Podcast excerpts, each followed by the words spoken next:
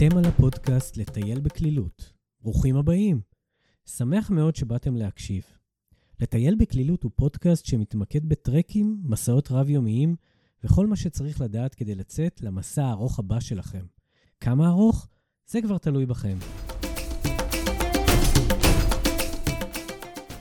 הפודקאסט בחסות Plan My Tracks, שירות ייחודי המלווה אתכם כל הדרך לטרק העצמאי שלכם באמצעות תכנון המותאם בדיוק למה שאתם צריכים. כל מה שצריך לדעת כדי לצאת לטרק הבא שלכם. planmytracks.com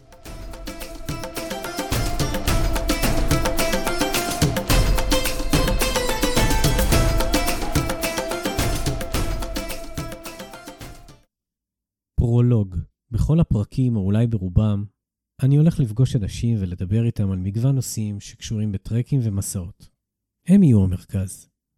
ואני, אני אהיה רק המארח. עכשיו, זאת ההזדמנות היחידה שלי להציג את עצמי, לספר לכם מי אני ואיך נולד כל הרעיון הזה. אז שמי אריה, ואני בן 55. אני מגדיר את עצמי, בין השאר, כנווד בנשמתי. אני שואף להגיע למקומות מדהימים, אבל באותה מידה יש בי גם רעב להמשיך הלאה, לגלות עוד דברים ולחוות מקומות חדשים. זאת הסיבה שהפורמט הזה של טרקים, מסעות רב-יומיים, כל כך מדבר אליי. מבחינת פעילות פנאי, טרק הוא צורת הנדודים האולטימטיבית, והוא מאפשר לי להעמיס בית שלם וקטן על הגב, ולצאת לעומקים, כשכל צרכיי החיוניים עליי ולא נדרש שום דבר נוסף כדי לחוות את הטבע בצורה מוחלטת למספר ימים. החיבור לשטח, לטבע, לחוץ, מהותי בשבילי. לאורך השנים מצאתי דרכים שונות להעביר את החוויות שלי לאחרים, ולנסות לחבר אותם לנושא הזה. עסקתי הרבה במילה הכתובה, יזמתי פעילויות שחיברו אנשים לשטח, יש לי מיזם שמוציא תיירים המגיעים לארץ לריצות בטבע. לאחרונה אני פועל באמצעות Plan My Tracks לייעוץ בתכנון טרקים, על מנת להקל על קהלים שונים את היציאה לטרק ולפתור את הקושי הכרוך בתכנון מסע וההצטיידות אליו. אחרי שנים של כתיבה, הגיע הזמן להשמיע קול ולהתחיל פודקאסט. מוזמנים לצאת איתי למסע ארוך וחדש דרך הפרקים השונים של לטייל בקלילות. המטרה שלי היא בסופו של דבר להפוך את היציאה לטרק למשהו פשוט, נעים וקל, שיאפשר לכל אחד ממש לחוות את הדבר המדהים הזה שפוגשים בכל יציאה למסע.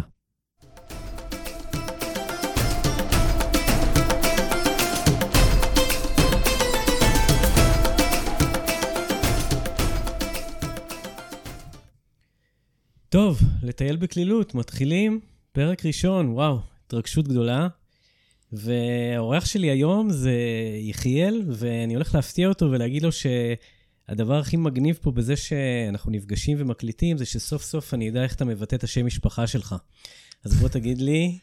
אה, מרצבך. וואו, מסובך? מסובך. אז יחיאל מרצבך, ברוך הבא לפרק הראשון של לטייל בקלילות, פודקאסט על טרקים. וספר לי קצת על עצמך, אה, מי אתה, מה אתה. אז אני בן 28, אה, סיימתי עכשיו תואר במדעי המחשב וספרות, ואני עובד באמזון, פה בתל אביב. ונפגשנו, מה שמחבר בינינו תכלס זה כל הנושא הזה של הטרקים. לפני שנה ישבנו פה במשרד אחרי שנפגשנו במקרה. כן, אז זה באמת אה, סיפור, כי... אה, ובגלל זה גם בחרתי בכלל לפרק הראשון ו- ולהקליט אה, אותו יחד. אה, אנחנו שני אנשים אה, שונים, בקושי מכירים אחד את השני. מפרידות בינינו כמעט 30 שנה, ו- וזה עולם, אה, עולם שלם הרבה מאוד זמן, ובכל זאת, מה שמחבר בינינו בסופו של דבר, ו- ושמתי לב שזה בתשוקה מאוד מאוד גדולה, בשיחות שלנו, זה הנושא הזה של טרקים. טרקים, אבל מה זה בעצם טרק? מה, מה זה טרק, אה, יחיאל? אני חושב שזה... זאת שאלה שהרבה אנשים אה, שואלים אותי, אומרים לי, אתה הולך לטרק? מה זה אומר? מה ההבדל בין זה ובין זה וטיול? אני אישית, אה, כשאני שואל, מנסה לענות לעצמי, אני חושב ש... שבסופו של דבר זה התחושה הזאת של המסע. זאת אומרת שאתה מתחיל מאיזשהו מקום, ואתה מס... מתחיל מאיזשהו יעד, שאתה לא יודע לאן זה יוביל, ואתה מסיים ביעד אחר.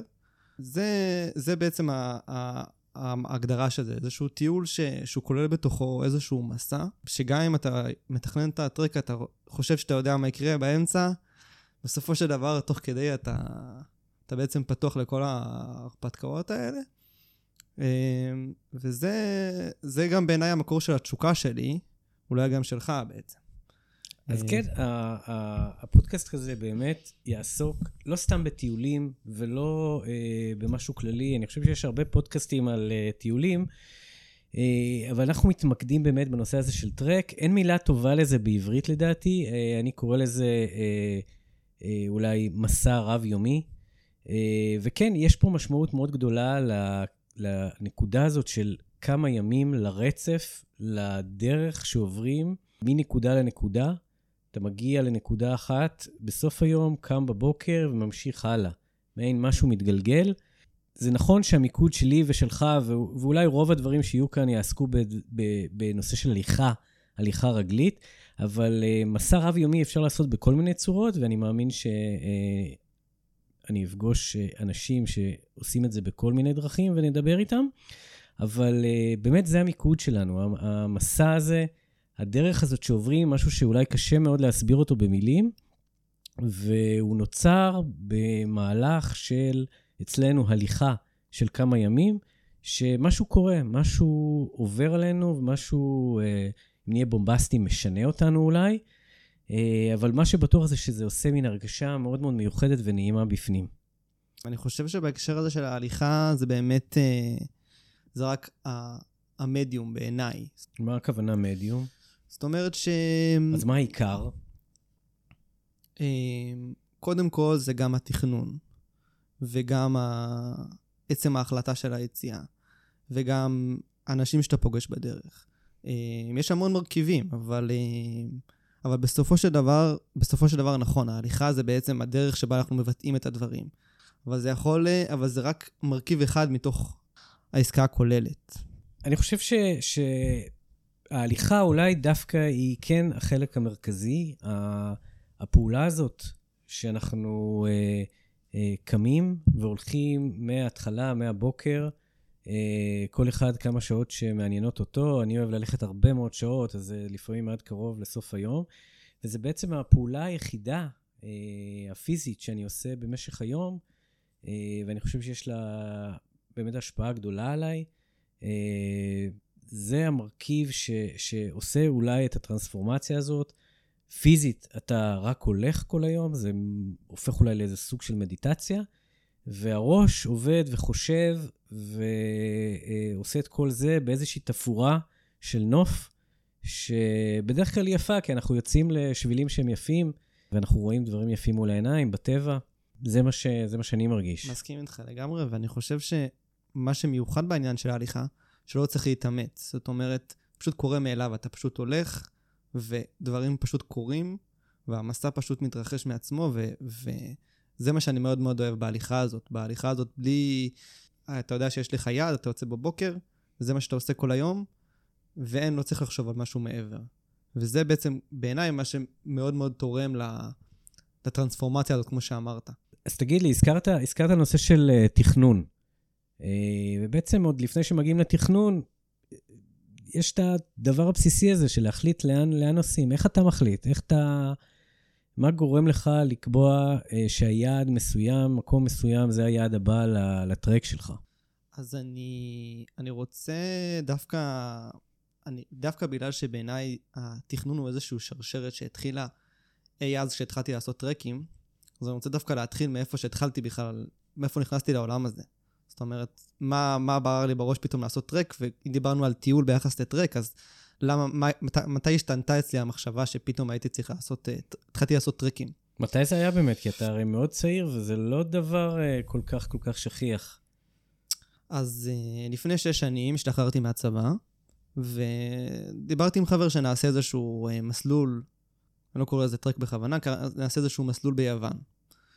אה, שמענו כזה על האולימפוס, וזה היה קצת פחות פופולרי ממה שזה היום, המסלול הזה. ותכננו את זה תכנון יחסית אה, מאוד בסיסי ביחס למה שאני מכיר היום. והיינו עם ציוד מאוד אה, מאוד מאוד בסיסי, לא היה לנו בכלל מקלות הליכה. עכשיו אני מסתכל על זה, אני אומר, איך טיפסנו את האולימפוס בלי מקלות הליכה, אבל... אבל עשינו את הדבר הזה, ועשינו עוד איזשהו מסלול קצר ב... בכפרים של זגוריה, שזה גם מסלול שיחסית פופולרי היום.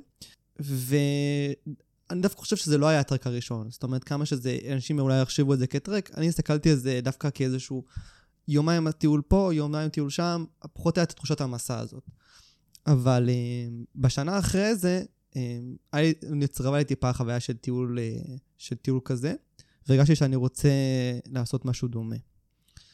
וקבעתי עם אח שלי והתחלנו לתכנן בעצם איך, מה אנחנו רוצים לעשות. ונתקלנו במקרה בפוסט uh, בפייסבוק על סלובניה, ודיברנו שם עם אחד האנשים בקבוצה. והוא אה, הכווין אותנו באופן מאוד מאוד אה, משמעותי, כלומר, הכווין, אני מתכוון, אמר לנו, תיקחו את המפות האלה, זאת אומרת, אמרנו, תתכננו את זה בעצמכם. וה, והתכנון שלנו מההתחלה ועד הסוף, בחרנו, לקחנו על שביל אה, חוצה סלובניה, לקחנו כמה ימים, ובעצם זו הפעם הראשונה שתכננו משהו מעצמנו. לא הלכנו איזשהו שביל שמישהו אחר עשה, אמרנו, אנחנו רוצים להתאים את זה בדיוק למה שאנחנו רוצים. ובאמת היה שיבושים שהיו בדרך, והיה דברים שהתגלו כיותר קשים, היה דברים שהיו... שדרשו מאיתנו תכנון מחדש. ובסופו של דבר אני חושב, חושב שחזרנו לארץ כזה, ו, והתחושה שלי הייתה שעברנו שם איזשהו מסע.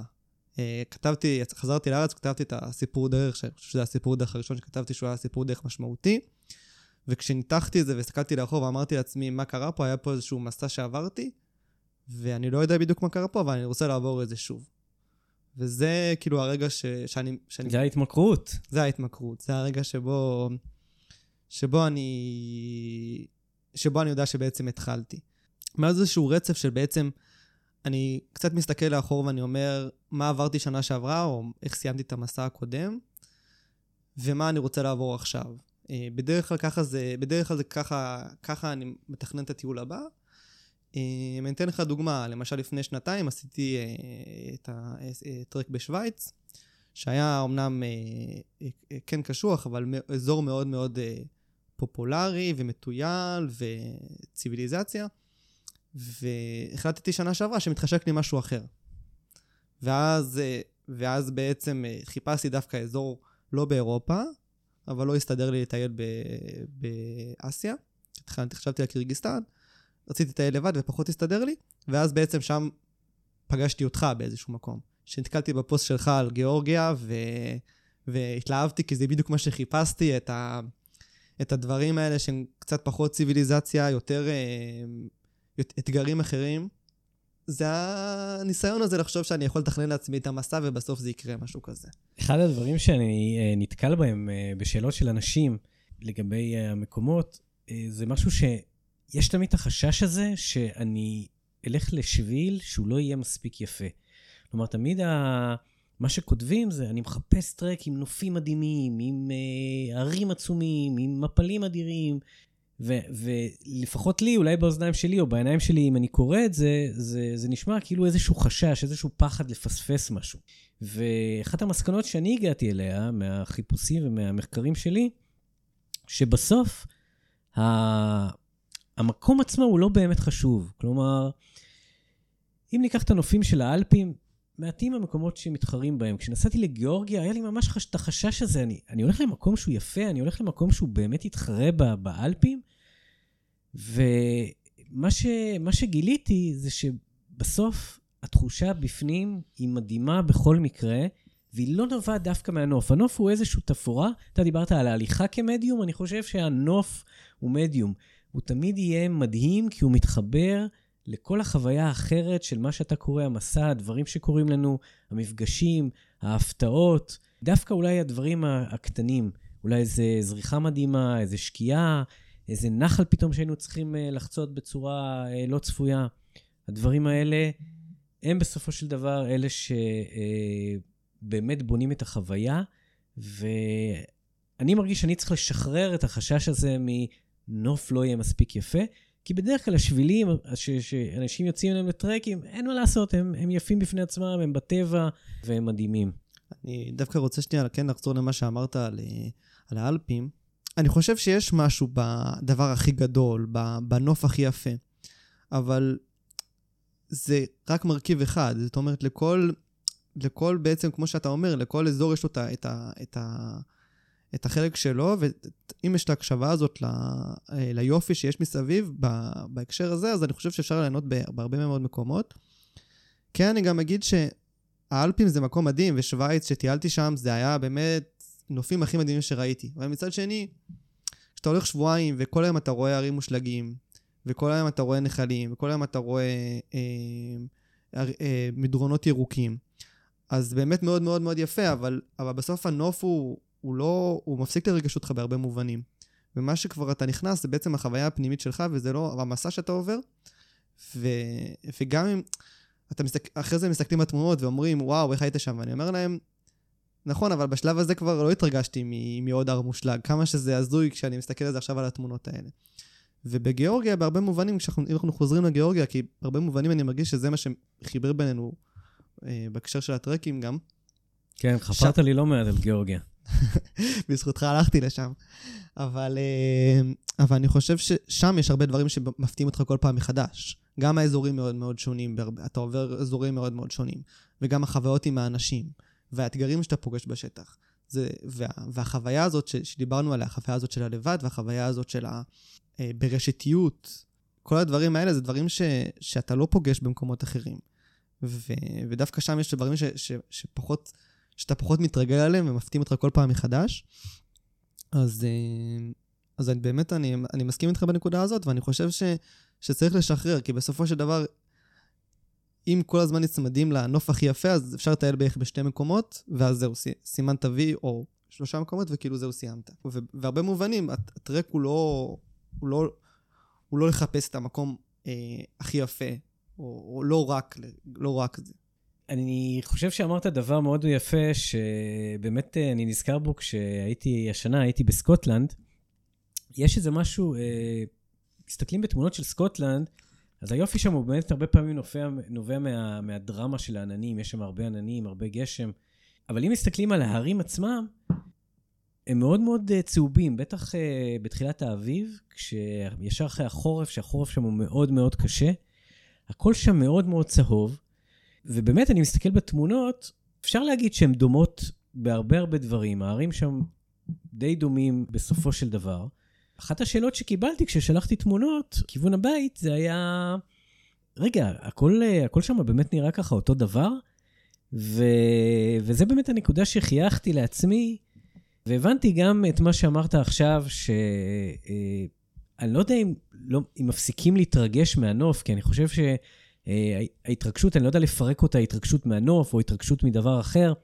ההתרגשות קיימת כל הזמן, ואפילו שהנוף באמת דומה, לא יודע להסביר את זה, אבל ההליכה הזאת עדיין בטבע כל יום, היא, היא באמת לא מפסיקה לרגש. כלומר, יש נקודות של דאון, אולי קצת של נפילות, אבל הרוב הרוב, במסעות כאלה של, של לפחות מה שאני עשיתי, של שבוע, של שבועיים, במידה מסוימת היא ממלאת כל הזמן, אה, אולי גם מרגשת כל הזמן, ו, וכן, גם כשהנוף אה, אולי דומה וזה עוד הר מושלג, בסוף הכל ביחד מתחבר לאיזשהו משהו אחד ש, שתורם.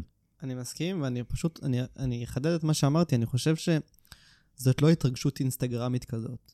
של וואו, איזה צילום יפה ואיך אני יכול להצטלם מול ההר הזה.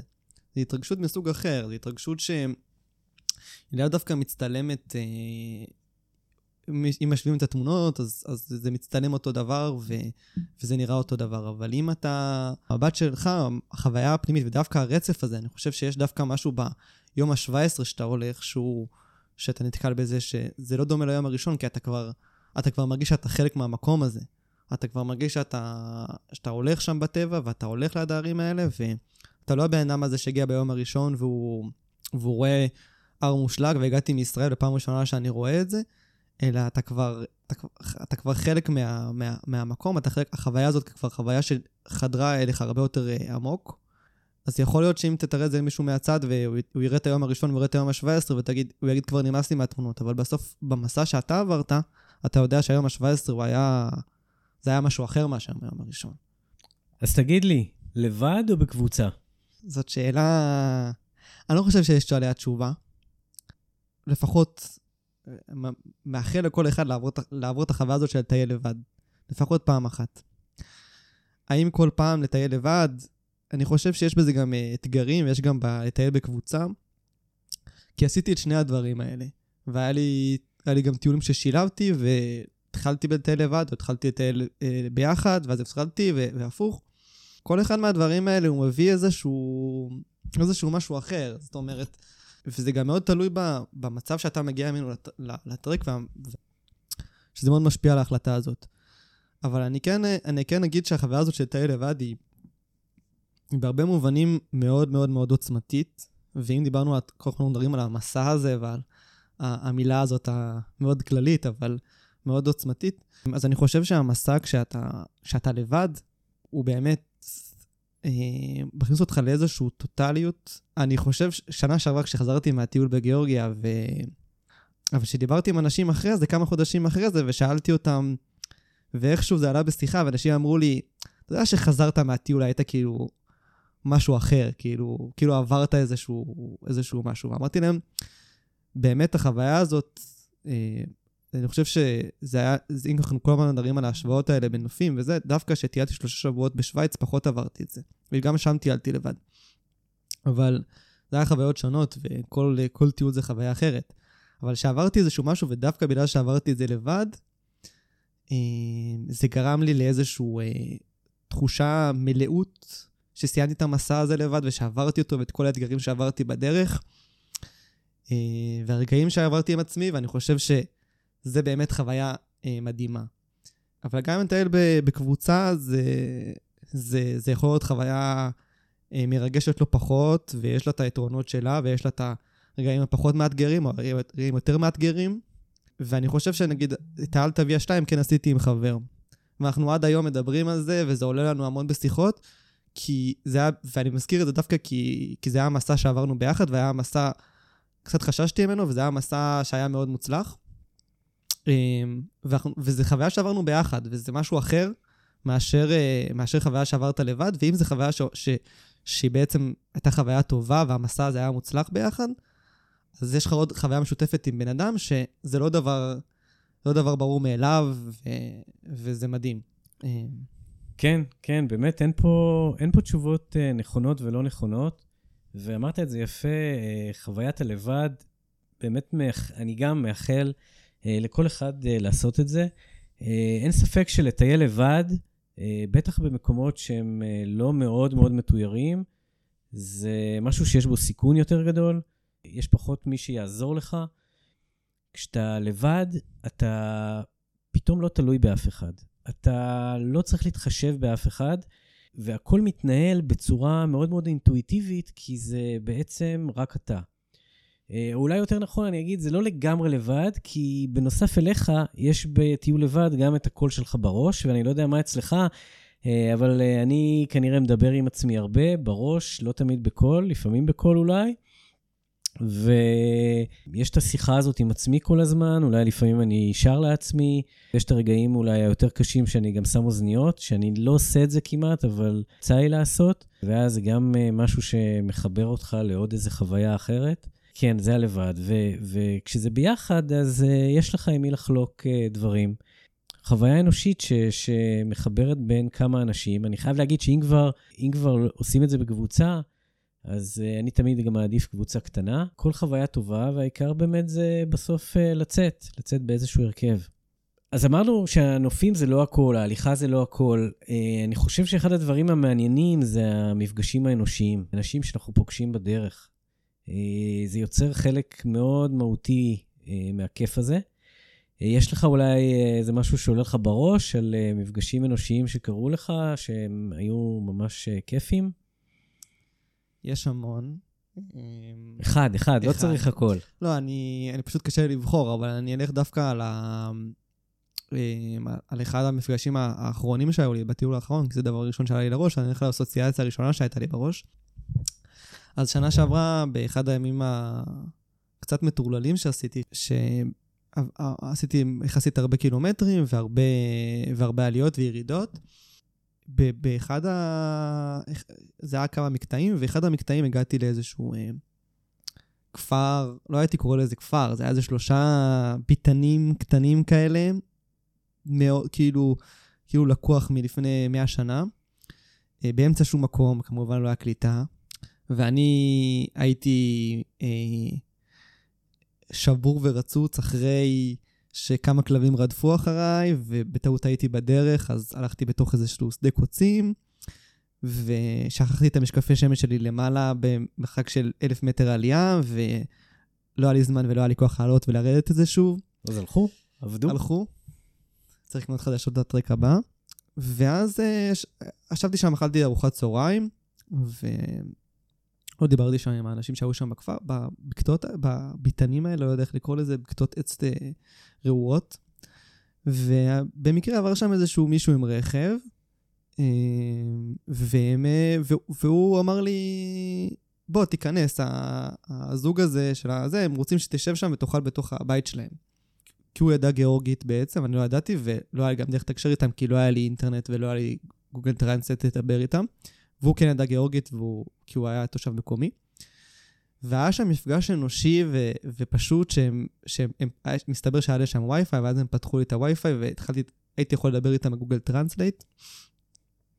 וישבתי שם בתוך הבית שלהם, ו, ואכלתי את ארוחת צהריים, והם הציעו לי כל מיני דברים, ו... ועכשיו אמרתי את זה, ועלו לי עוד איזה שלושה מקרים ש... ש... של דברים כאלה. אבל זה היה בעצם, עשינו אחרי זה תמונה, וזו חוויה שצרובה לי בראש, וזה היה משהו מדהים, שבאמצע שום מקום, סוג של איזה נווה מדבר כזה אנושי, שאחרי זה שינה לי כל ה... את כל הטיול בהרבה מובנים. אז אני גם אספר לך על חוויה אנושית שלי בגיאורגיה. אה, זה היה בעצם היום אה, ההליכה הראשון שלי. וגם הגעתי ל... התכנון שלי היה לישון באיזשהו אה, הוסטל, אכסניה כזאת, שראיתי עוד בבית באינטרנט והדליקה אותי מבחינת המיקום שלה על הנוף, עם מבנה ארכיטקטוני לכאורה אה, מדהים, וממש חלמתי להגיע לשם בסוף היום הראשון, אה, ולא להיות אה, באוהל. ממש אה, לקראת סוף המסלול של היום הראשון הייתה עלייה, ו... הייתי כבר די עייף, ואני עולה לי לאט, לאט, והעלייה לא נגמרת. ואני לא רואה את, ה, את ההוסטל הזה, את ה guest house הזה, אני לא רואה אותו, ואני ממשיך, ממשיך. בדרך אני פוגש איזו ילדה שראתה שם את הכבשים, היה משהו, היא הייתה מין לבושה בשמלת ערב, ורואה את הכבשים. אני, אני לא בטוח אם, אם דמיינתי את זה או לא. אה, וש, וניסיתי להגיד לה, איפה זה, איפה הגסטהאוס, היא ניסתה להסביר לי, אמרה לי, עוד 20 דקות, ועברו 20 דקות, ואני עדיין לא רואה את זה. ובסוף אני מגיע לשם, ואני באמת כבר מפורק, עושה צעדים ממש צעד צעד לאט, ואני מגיע, והכל שם מכוניות בחנייה, כי אני היחידי שמגיע לשם, אה, הגעתי לשם ברגל. יוצא אליי בחור עם חולצה מאיזשהו מרתון גיאורגי, קראו לו זורב, ו...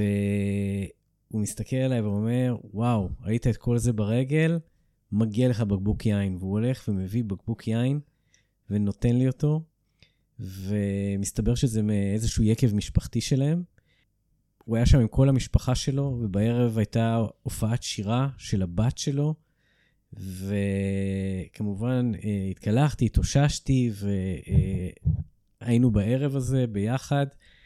ובסופו של אה, בסופו של המסע שלי, כשכבר בעצם חזרתי אחרי uh, בערך עשרה ימים לטיביליסי, הייתי מוזמן גם אצלם בבית הקיץ שלהם, לא רחוק מטיביליסי, ליום ההולדת של אשתו.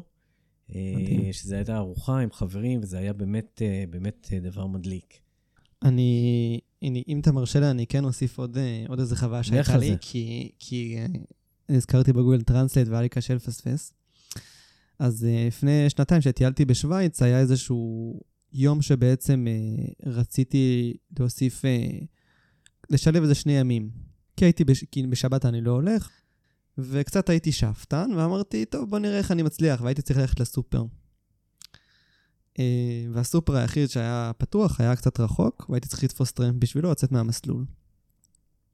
וגם ככה כבר היה איזה אחד בצהריים או משהו כזה, ו... החישוב של לתפוס טרמפ ולחזור וללכת לסופר ולעשות את כל היום הזה היה נשמע קצת מוגזם. אמרתי, בוא נבדוק מה אני יכול לעשות. והיום זה שם באיזשהו כפר יחסית אה, לא מאוד עם המון רכבים. ועצרתי טרמפ.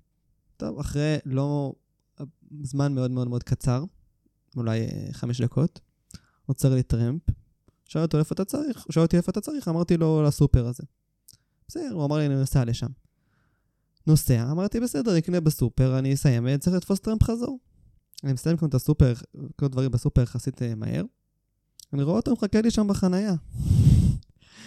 אני שואל אותו, מה, כאילו, לא יודע, מה, הוא קורא לי כאילו. מה הקטע שלך? כן.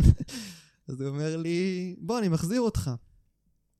בקיצור, ו, ו, והוא לא ידע אנגלית, הוא ידע רק אה, צרפתית.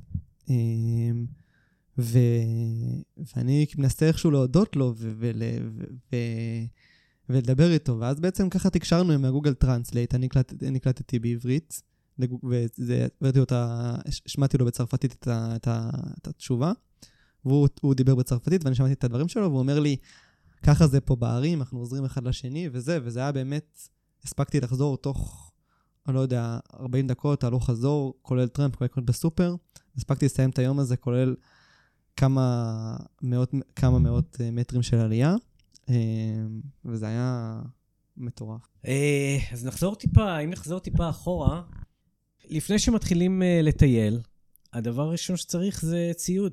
אי אפשר לצאת בלי ציוד, ואנחנו יודעים, זה, זה אולי קלישאה, אבל ככל שהציוד שלך יותר טוב, חוויית הטיול שלך יכולה מאוד להשתפר.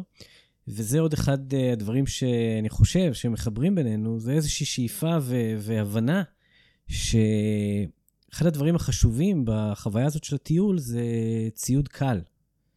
איך אתה בעצם אה, אספת את הציוד שלך? מה הפריטים ש, שחשובים לך? מה, מה התפיסת עולם שלך בנושא הזה? ספר לי. אז זה, זה די מצחיק שכאילו החיידק הזה של הטרקים הוא, הוא כאילו מגיע כעסקת חבילה עם ה...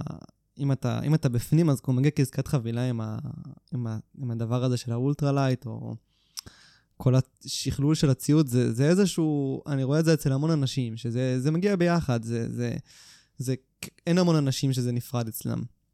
ה ultralight? אני לא, לא, לא בטוח. לאו דווקא ה ultralight, אבל השיפור בציוד והמחשבה על זה כל הזמן, וה... דווקא היום הייתה לי שיחה עם חבר, קצת, אה, קצת על הנושא הזה, ואחד הדברים שהוא אמר שם, יש אנשים שהם, יש להם את הציוד שלהם כבר 20 שנה, הם לא נוגעים בכלום, מה שלא מתקלקל, לא מחליפים. אין להם... אה, העיקר לקום וללכת, אותו תרמיל שמתפרק אולי קצת, אותם דברים, לא קיים בכל מקום. אני חושב שזה זה ייחודי לקבוצה שאולי אנחנו נמנים עליה, אה, וזו ההתעסקות הזאת עם ציוד, היה לי את זה בתחביבים אחרים.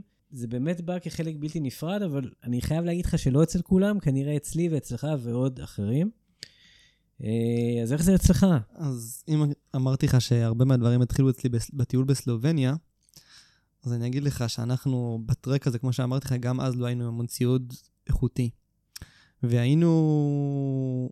וטיפסנו שם אה, את העלייה, תחילת העלייה לטריגלב עם תיקים ענקיים, ואנחנו כמעט נשברים שם באמצע העלייה עם כל הציוד הכבד הזה שלנו. ו... ואנחנו רואים עלינו איזה כמה חבר'ה אירופאים, עם איזה תיקים כלילים ככה, מדלגים לידינו. אבל זה היה, לא היה, הם לא עשו טיול יום, ו... ואז זה ברור? אמ, לא, היה, זה לא היה תיק של טיול יום, זה היה תיק מאוד קטן, כי זה גם עשו טרק בקתות, אז בעצם לא היה צריך המון ציוד. ואנחנו הסתכלנו עליהם וקינאנו, ואז אה, לא רק שם זה התחיל, אבל זה היה אחד הדברים שבעצם גרמו לנו ל... להשתפ... גרמו לי לפחות להתאהב בעניין הזה. אז איך המשכת משם? ואני חושב ש...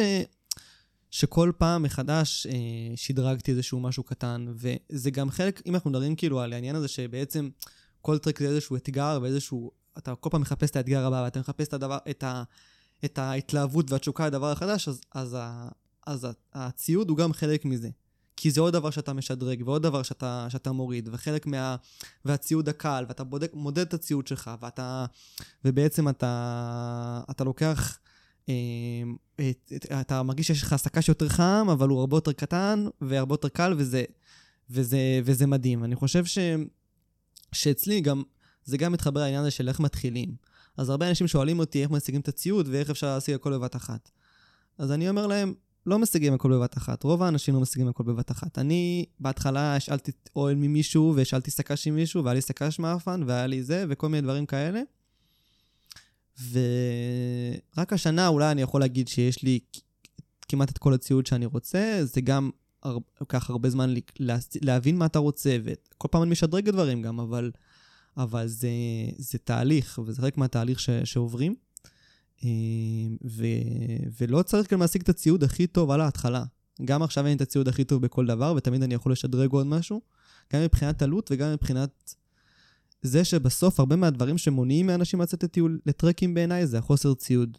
אומרים, אה, לי את הדבר הזה, ובסוף גם הרבה פעמים צריך להבין שאפשר לצאת, במיוחד לטרק פקטות, עם ציוד מאוד מאוד, אה, אומנם צריך להיערך להרבה דברים, ויש דברים בסיסיים שחייבים, אבל לא צריך לצאת עם הציוד הכי טוב, ותמיד לשאוף, אני ככה אני, ככה אני מאמין, לשאוף לשפר את הציוד, ולא שהציוד הוא מה שימנע ממך לצאת ל, ל, ליעד.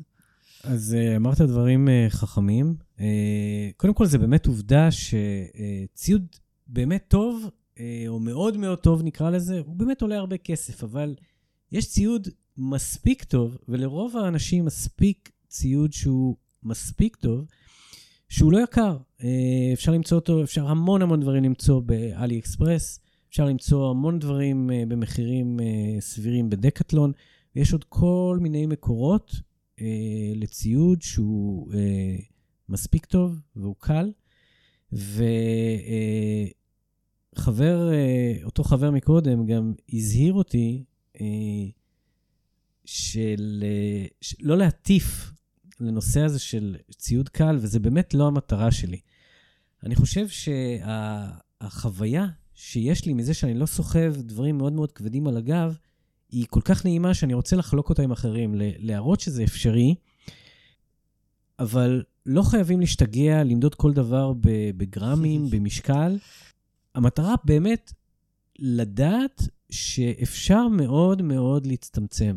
וזה אחד הדברים שאני רוצה להעביר גם בהקלטות האלה, בפודקאסט הזה, אה, לאורך הזמן, וזה גם אחת הסיבות שאני קורא לפודקאסט לטייל בקלילות, אה, כי באמת האהבה שלי והמטרה שלי זה שיהיה קל על הגב, כי כשקל על הגב יותר קל ללכת, פחות מתאמצים, יותר נעים.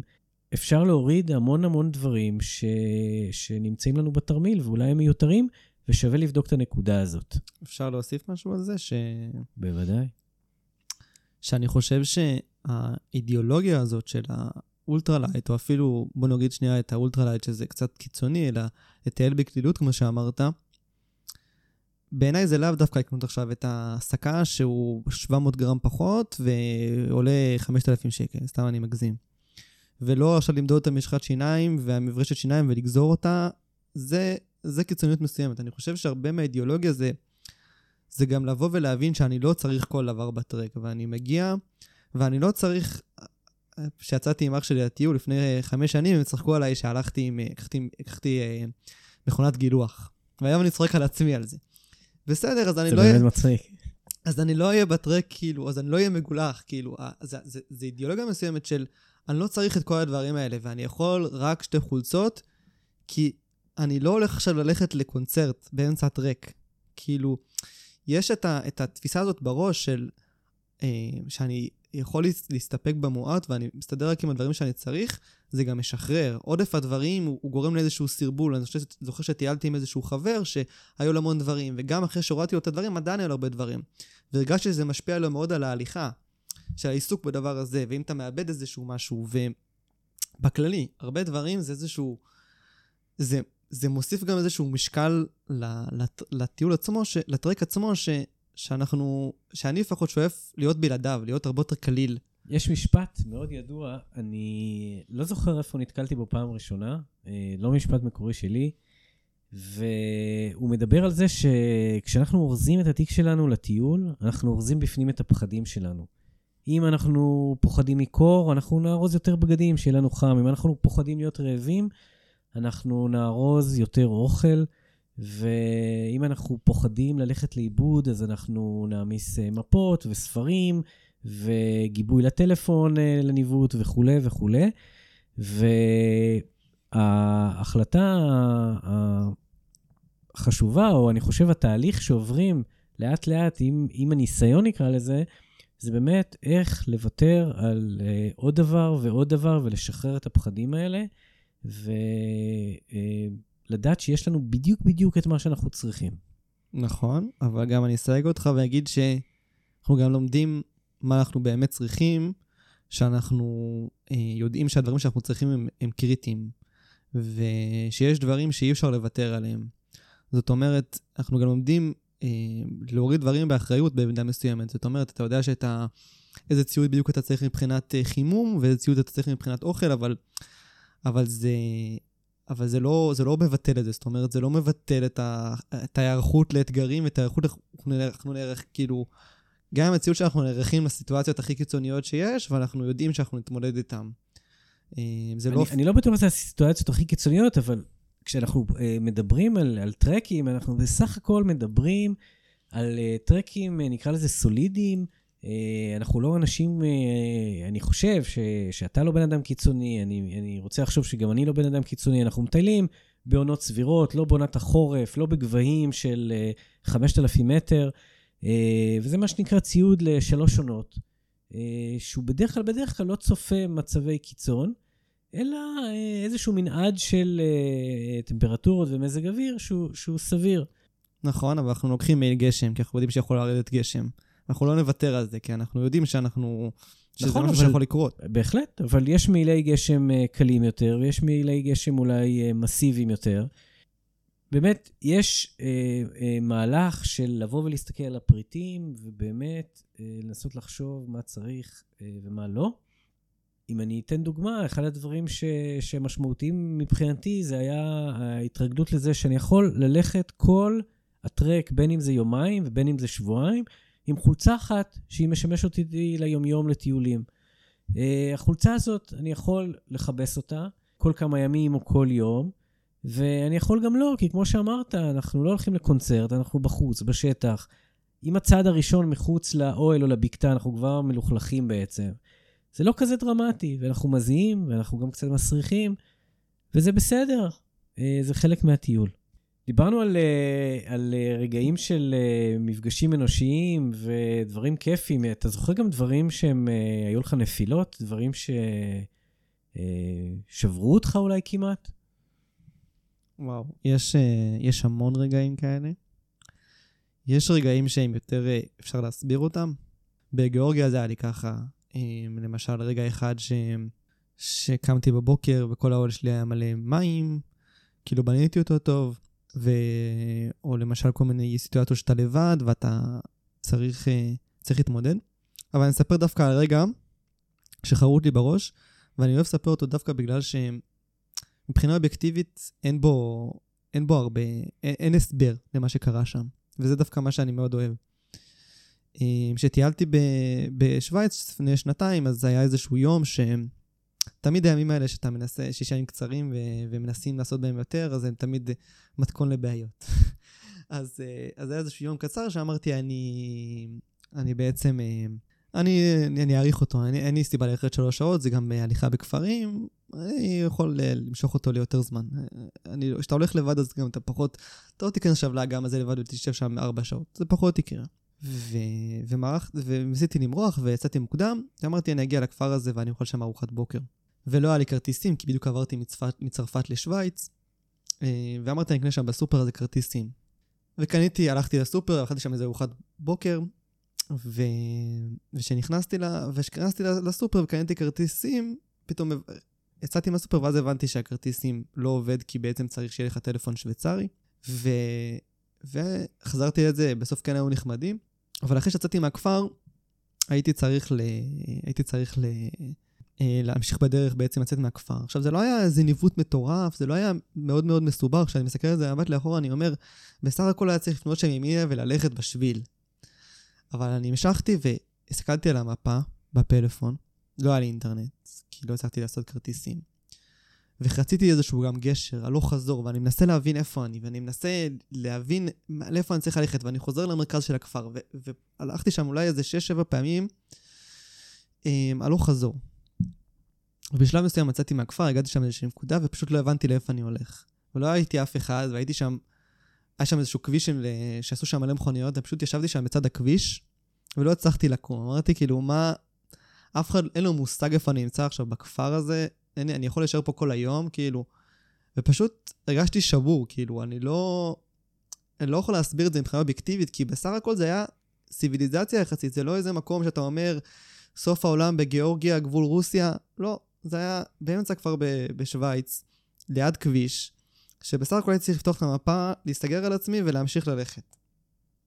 אבל שם שכבתי על, על, על הרצפה, והמקלות הליכה ככה, פותח את האפליקציה, אומר איך שאולי איכשהו אני כן אבין פה משהו, ו, ואיכשהו כן, כן הצלחתי לקום, אבל זה היה רגע שאני זוכר אותו מאוד מאוד מאוד חזק, את הרגע הזה ש, שנשברתי. תשמע, אני ממש ממש מזדהה עם הדבר הזה, כי גם לי יש איזשהו אה, אירוע טראומטי, אני לא יודע אם טראומטי, אבל אירוע של נפילה מאוד, אה, אה, מאוד לא מוסבר וגם קשור לניווט, וזה גם היה בגיאורגיה, ולקראת סוף יום, ואני רואה שהמסלול שיש לי... באיזה אה, אזור זה היה? זה היה אה, איפשהו באמצע הכלום, אה, קרוב ל, לסיום המסע. אה, ליד חבל היין אולי של אה, גיאורגיה, אבל עדיין זה היה אזור ש... שבאמת אפס, אפס אנשים מטיילים שם.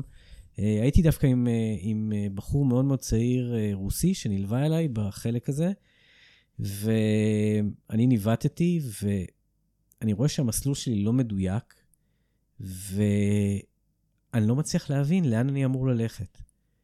אה, זה קורה הרבה בגיאורגיה שהשבילים נעלמים, ואז צריך אה, למצוא את הדרך. אה, אין לי בעיה עם זה, אבל באותו רגע, אולי העייפות של סוף יום, מצאתי את עצמי מתחיל לתפור כל מיני עליות לא הגיוניות, דרך שדות של קוצים, ואני מכנסיים קצרות, והרגליים שלי שורפות, ואני פשוט עולה בצורה חייתית כמעט.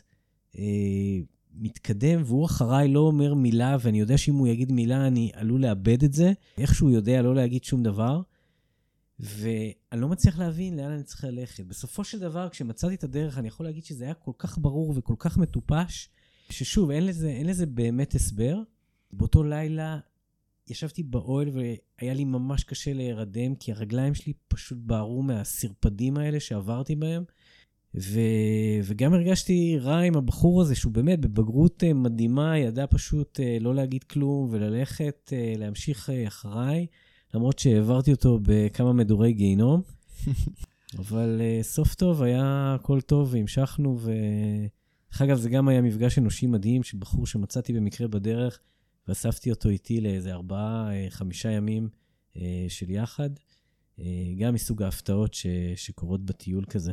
אני, אני כן אגיד שאם אנחנו, אני מרגיש שאנחנו, מה שאנחנו מדברים פה הרבה בכל השיחה הזאת, זה הרבה על הטרק כמסע. ודווקא הרגעים האלה ש, שכאילו, שכאילו נשברתי או נשברנו, אני חושב שעבורי דווקא הרגעים האלה זה הרגעים שאני הכי אוהב ב, בטרק, כי בסוף הצלחתי לצ, לצלוח אותם. ונכון שבסוף אני, אני לא ארצה לחזור לחוויה הזאת, אם מישהו עכשיו אומר לי, הם משלמים לך עשרת אלפים שקל ואתה חוזר לדבר הזה, אני לא יודע אם הייתי מסכים. אבל יש משהו דווקא בעניין הזה של מסע, ואנחנו כולנו עוברים מסעות כל הזמן. זאת אומרת, גם ביומיום, בכל... בעיניי הרבה פעמים הטרק הוא, הוא לא איזשהו... אה, הוא לא תחליף ל, ל, ליום-יום, אבל כולנו עוברים כל מיני מסעות ודברים, ואתה כאילו... והרבה פעמים אתה אומר, אני לא יודע אם אני אצליח לעבור את זה הפעם. אה, ויש משהו בטרק ש... שזה לא סכנת חיים, זה לא איזה משהו דרמטי, אבל בסוף אתה, אתה, אתה, כשאתה נמצא לבד, אתה נמצא מאוד משהו, בסוף צולחים את האתגרים האלה. ויש משהו בזה שאני מאוד אוהב את זה כמסע גם כ... כמסע לחיים, נגיד את זה ככה, קצת קלישאתי. אבל uh, בהרבה מובנים זה, זה קלישאה שהיא בעיניי נכונה, כי, כי עוברים הרבה דברים, עוברים הרבה אתגרים שאתה לא עובר ביום-יום, אבל ביום-יום אתה עובר אתגרים מסוג אחר שהם לא בהכרח פחות, פחות קשים, אולי כי אתה לא יודע מתי יבוא הסוף שלהם, וההסתכלות כטרק והדעת שבסוף אתה, שבסוף אפשר לעבור את זה, בסוף עוברים את האתגרים האלה. אבל. האתגרים האלה הם לא לפעמים uh, מאוד מפחידים? יש דברים מפחידים? יש דברים מאוד מפחידים. אם אתה זוכר שישבנו פה, אם אני לא זוכר, לפני שנה, ואני uh, שטחתי בפניך את כל החששות שיש לי. וכלבים. וכלבים. בגיאורגיה. בגיאורגיה, וכל הדברים, ו- ויש יש המון, יש המון פחדים. והיו לך מפגשים מפחידים עם כלבים היו בגיאורגיה? מפגשים מפחידים עם כלבים, ו... זה, והיה, והיה מפחיד לישון לבד בשום מקום, והפחדים האלה הם, הם פחדים עצומים, אין ספק. גם, ב, גם ביום-יום יש פחדים עצומים. הדברים האלה מפחידים, אני, אני לא אומר ש... אני לא מזלזל בפחד הזה. אז איך אתה מתמודד איתם? קודם כל, יש בזה משהו קצת חסר היגיון. בללכת לדבר הזה, אם זה דברים, לא כל טרק הוא מפחיד. אני, כן, אני חושב שצריך לסייג פה ולהגיד את זה, שיש, שיש יש, יש גם פחדים קטנים ויש פחדים גדולים, אבל אה, אני בהרבה מובנים אה, מנסה להיערך הכי, הכי טוב לזה. ובזה, נגיד, מאוד התייעצתי איתך ועם עוד הרבה אנשים בקבוצה של גיאורגיה על איך להיערך לכל מיני דברים. והתכונן לזה הכי טוב. ולפעמים אני גם רוצה להתמודד עם הפחדים האלה. זאת אומרת, שנה שעברה ישבתי באיזשהו כפר, לפני המסלול, שאלתי את עצמי, למה אתה עושה את זה? אתה מפחד ממה שאתה הולך לקרות עכשיו, לא יודע מה יקרה, אבל אני מפחד מהסיטואציה. אמרתי לעצמי, לא יודע, כאילו, יש בזה משהו קצת חסר היגיון, אבל רציתי, רציתי לשבור את הפחדים האלה. אני לא יכול להגיד ששברתי את זה לגמרי, ועדיין יבוא כלב לבן חשוף שיניים בגיאורגיה, אני אפחד ממנו. אבל התמודדתי עם הפחד הזה, וזה היה, כן, החוויה שאמרתי לעצמי בסופו של המסע, ש... שהצלחתי לעבור, וזו תחושה מדהימה. אה, לפעמים אני לא רוצה להתמודד עם הפחדים האלה, וזה גם לגיטימי. אבל זה, אבל זה בעיניי חלק מהמסע, וגם זה לא דברים שהם מסוכנים לרוב, אז אתה אומר, בסדר, יהיה בסדר, זה לא... אבל זה גם בחירה. זה הרבה, הרבה מה, מה, מהכיף בטרק, והרבה מה, מהכיף ב, ב, בכללי במסע הזה שאתה בוחר לצאת אליו. ואתה יודע שיש דברים כאלה. יש הרבה דברים, דווקא פחדים ביום-יום, שהם אתה לא בוחר בהם, והם קורים מאליהם, שזה בעיניי הרבה יותר קשה ומפחיד. מאשר שאתה יודע שאתה הולך לקראת משהו, שאתה יחסית יכול להתכונן אליו, מאשר דברים שבאים בפתאומיות, ואין לך מושג מה, מה אתה יכול לעשות מולם. וגם זה קורה בטרק, אבל, אבל הרבה פעמים פחות. יפה, אז תגיד לי, מה, מה השלב שאתה מתחיל לחשוב אה, אה, על הטרק הבא? אז קודם כל, אמרתי לך את זה ב... בסוף השנה שעברה, כשחזרתי מהטרק, ש... שהלוח שנה שלי הוא, הוא, הוא מלא ב... לפני הטרק ו... ותוך כדי הטרק ואחרי הטרק. אה, אז כמעט כל לוח השנה הוא איפשהו מלא בתוך הדבר הזה, ואיזשהו שלב שבו ה... ה... ה... אחרי הטרק מתחלק, מתחלף בלפני הטרק.